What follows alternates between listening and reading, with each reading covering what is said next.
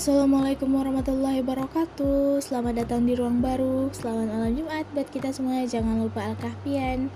Dan malam hari ini Aku ingin menceritakan Pengalaman horor yang pernah aku alamin. Dan kisah ini tepatnya terjadi pada saat aku Masih berada di kelas 2 SMP Nah, pada saat itu, aku hanya tinggal berdua di rumah bersama sepupuku, dan sepupuku ini sering pulang subuh. Dan pada saat itu, ada suatu ketika momen entah apa penyebabnya sampai sekarang pun aku belum tahu kenapa hal ini bisa terjadi pada diriku. Nah, pada saat itu tepatnya di sore aku lupa itu hari apa. Sore itu sekitar mau maghrib aku mandi. Tiba-tiba aja seperti ada yang nungguin aku di depan pintu. Tadinya aku pikir ah paling firasat aku doang gitu. Ya udah kan aku nggak ngehirauin tuh. Terus aku lanjut mandi selesai mandi aku keluar dan karena itu posisinya maghrib aku sholat. Sholat maghrib. Dan ini bener-bener aneh. Aku bener-bener ngerasain ada orang yang nungguin aku di belakang pas aku lagi sholat. Kebayang nggak sih? Lo lagi uh, kita lagi sholat tapi di belakang kita itu ada orang gitu. Sementara nggak ada makmum di belakang kita.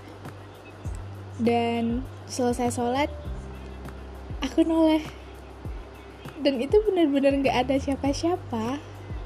Tapi ketika sholat itu benar-benar terasa dan seperti memang benar-benar ada orang yang nemenin aku lagi sholat. Dan pada akhirnya malam malam malam malam waktunya aku tidur aku tidur dan posisi kamar aku itu deket lebih dekat ke jalan ya karena dekat pintu masuk pintu masuk rumah dan pada saat itu kamarku belum didek nah bener-bener kayak di luar nalar banget. Dan posisinya malam itu aku berusaha untuk tidak takut berusaha untuk tidak takut dengan hal-hal yang udah aku rasakan dari mulai aku mandi sampai dengan aku sholat. Aku tidur nggak tahu kenapa tiba-tiba setelah tidur itu anteng aja enak aja kayak malam-malam biasanya. Dan tiba-tiba kebangun kebangun. Persis jamnya aku juga lupa tapi itu kayaknya udah lewat tengah malaman gitu. Nah pas banget di hadapan aku itu kan lemari ya lemari tahu lah lemari itu kan di atasnya ada itu apa sih? Di atas lemari. Nah intinya atas lemari gitu kan. Di atas lemari dan bener-bener dengan mata mata kepala sendiri aku melihat sosok perempuan berbaju putih rambut panjang dan aku nggak tahu nggak tahu kenapa aku tidak merasakan bahwa sosok makhluk itu seram. Karena aku melihat posisi dia itu seperti hanya tersenyum. Melihat aku oh my god merinding guys. Gue cerita. Sumpah sumpah merinding. Sendirian lagi. Dan aku tidak membayangkan makhluk itu seram. Tapi karena posisinya aku sendirian di rumah sepupuku belum pulang aku bener-bener gak berani bilang tolong bener-bener gak berani mengungkapkan apa pun. Aku putar balik badan dan aku tidur lagi. Intinya di situ aku membaca semua ayat-ayat yang aku hafal. Dan uh, di pikiranku adalah ketika ada makhluk seperti makhluk gaib lah ya. Makhluk gaib seperti itu ketika kita bacakan ayat suci Al-Quran uh, kita bacakan ayat kursi dia bakalan pergi. Ternyata enggak. Enggak dalam satu malam itu ketika tadinya di atas lemari dan aku kembali tidur apa yang terjadi? Setelah aku sadar kembali dia berpindah berpindah karena tadi kan aku bilang kamar aku itu belum di deck nah posisi kamar itu ada apa ya namanya? Intinya ada kayu deh. Di situ ada kayu yang memang kalau misalnya kita duduk di situ ya bisa gitu duduk. Aku nggak tahu kenapa kenapa itu makhluk pindah ke situ. Dan sama dengan hal yang di awal tadi, aku tidak merasakan makhluk itu seram karena posisinya dia itu seperti senyum. Senyum seperti hanya tersenyum melihat diriku. Dan yang aku herankan adalah kenapa? Kenapa kok dia harus harus muncul di hadapan aku gitu. Motifnya apa? Penyebabnya apa? Sampai sekarang pun aku belum tahu. Dan itu aku masih biasa-biasa aja belum terlalu gimana-gimana paginya aku masih seperti biasa sekolah. Sebelum berangkat sekolah aku sarapan dulu di tempat bibiku di depan. Memang ada warung uh, tempat orang-orang sarapan. Dan setelah itu uh, berangkat sekolah sama sepupuku. Dan semua berjalan normal ketika siang. Di sekolah pun aku tidak merasa ada yang mengikuti dan lain segala macam. Dan ternyata ketika aku pulang lagi ke rumah, hal yang sama itu terjadi. Ketika aku mandi pun ternyata memang ditungguin dan aku heran kenapa dia nggak ikut masuk gitu ke kamar mandi? Kan yang uh, karena di pikiranku adalah makhluk gaib. Mungkin aku berpikirannya di sini adalah setan. Setan. Makhluk-makhluk seperti itu akan lebih senang seperti itu kan di kamar mandi di tempat-tempat yang kotor. Tapi dia sama sekali nggak ngikut masuk ke dalam dan ketika aku selesai mandi aku sholat lagi seperti biasa menjalankan aktivitasku sholat dan pada saat posisi aku sholat pun aku merasa tidak diganggu melainkan seperti dia menunggu menunggu aku ngejagain aku seperti itu. Dan makin hari aku ngerasa kayak tiga hari. Hal seperti itu berlangsung selama tiga hari. Selama tiga hari dan akhirnya pada suatu malam malam ketiga aku memutuskan untuk menghubungi guruku. Dan kebetulan guruku itu guru guru olahraga dan aku memang sangat dekat sama beliau. Dan itu aku coba untuk SMS beliau. Terus aku bilang Assalamualaikum pak. Aku ceritain kronologi yang aku rasakan.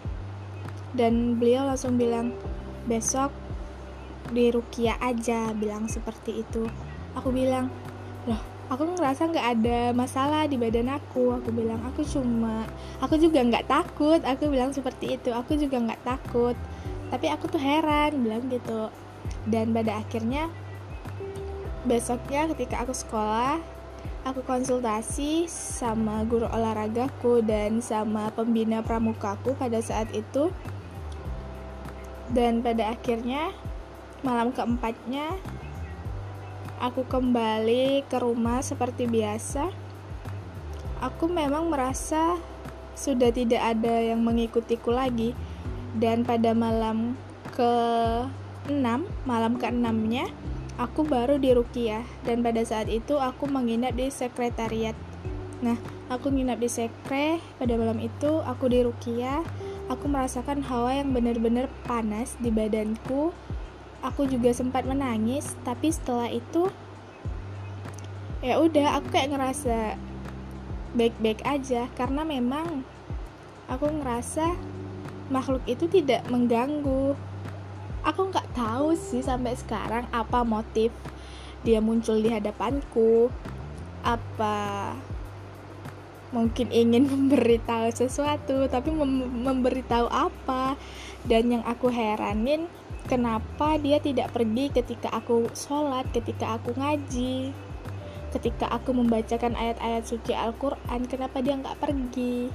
Dan kenapa ketika aku mandi dia tidak ikut masuk kamar mandi? Melainkan dia hanya menunggu di depan pintu. Dan ketika aku telah di Rukia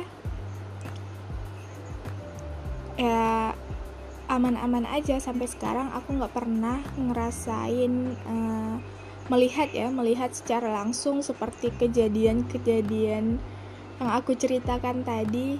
Tapi ini bener-bener nyata gitu kan. Sampai akhirnya aku di kamar tapi TV itu aku hidupin. Nggak aku matiin. Itu kayak gimana ya? Kayak aku ngerasa biar aku nggak dengar suara apa-apa. Jadi kalau ada suara apa-apa aku taunya berpikirnya itu adalah suara TV dan konyol sih menurutku. Aku ngerasa nggak takut tapi juga khawatir.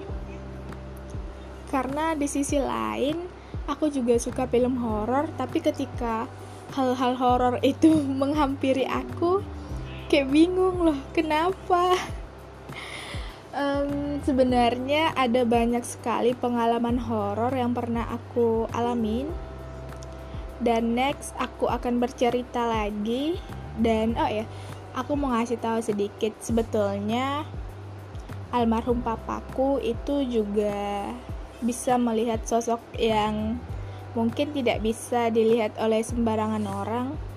Dan aku pun dari kecil dari aku SD aku sudah bisa merasakan hal-hal seperti itu berlanjut sampai dengan aku SMP dan SMA sekarang posisiku kuliah kuliah aku merasa aku aman-aman saja. Mungkin karena semenjak aku di Rukia itu. Dan katanya katanya apa ya bahasanya intinya kayak dikunci gitu. Sampai akhirnya aku tuh nggak bisa ngeliat lagi hal-hal yang seperti itu. Aku juga nggak paham gimana detailnya. Intinya waktu itu guruku bilang seperti itu. Dan pembinaku juga bilang seperti itu. Dikunci saja dia bilang seperti itu. Takutnya kalau kamu terus-terusan bisa melihat mentalmu tidak kuat, takutnya psikismu terganggu seperti itu. Sebetulnya mereka lebih khawatir ke kesehatan aku.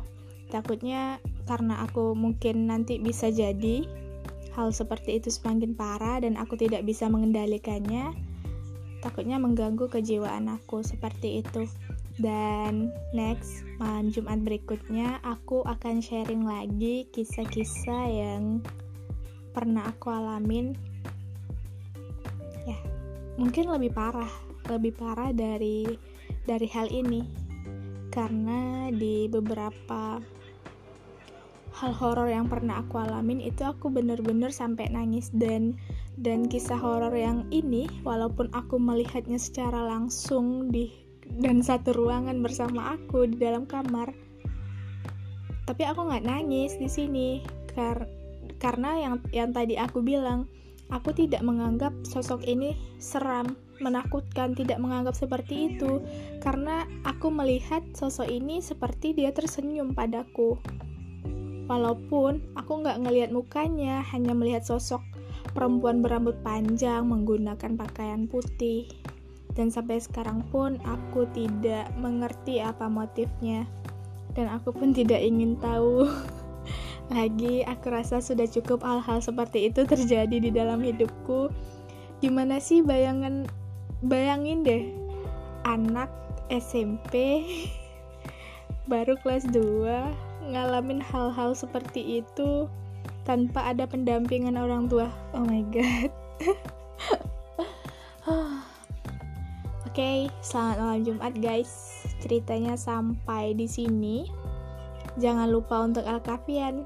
Bye bye. Assalamualaikum warahmatullahi wabarakatuh.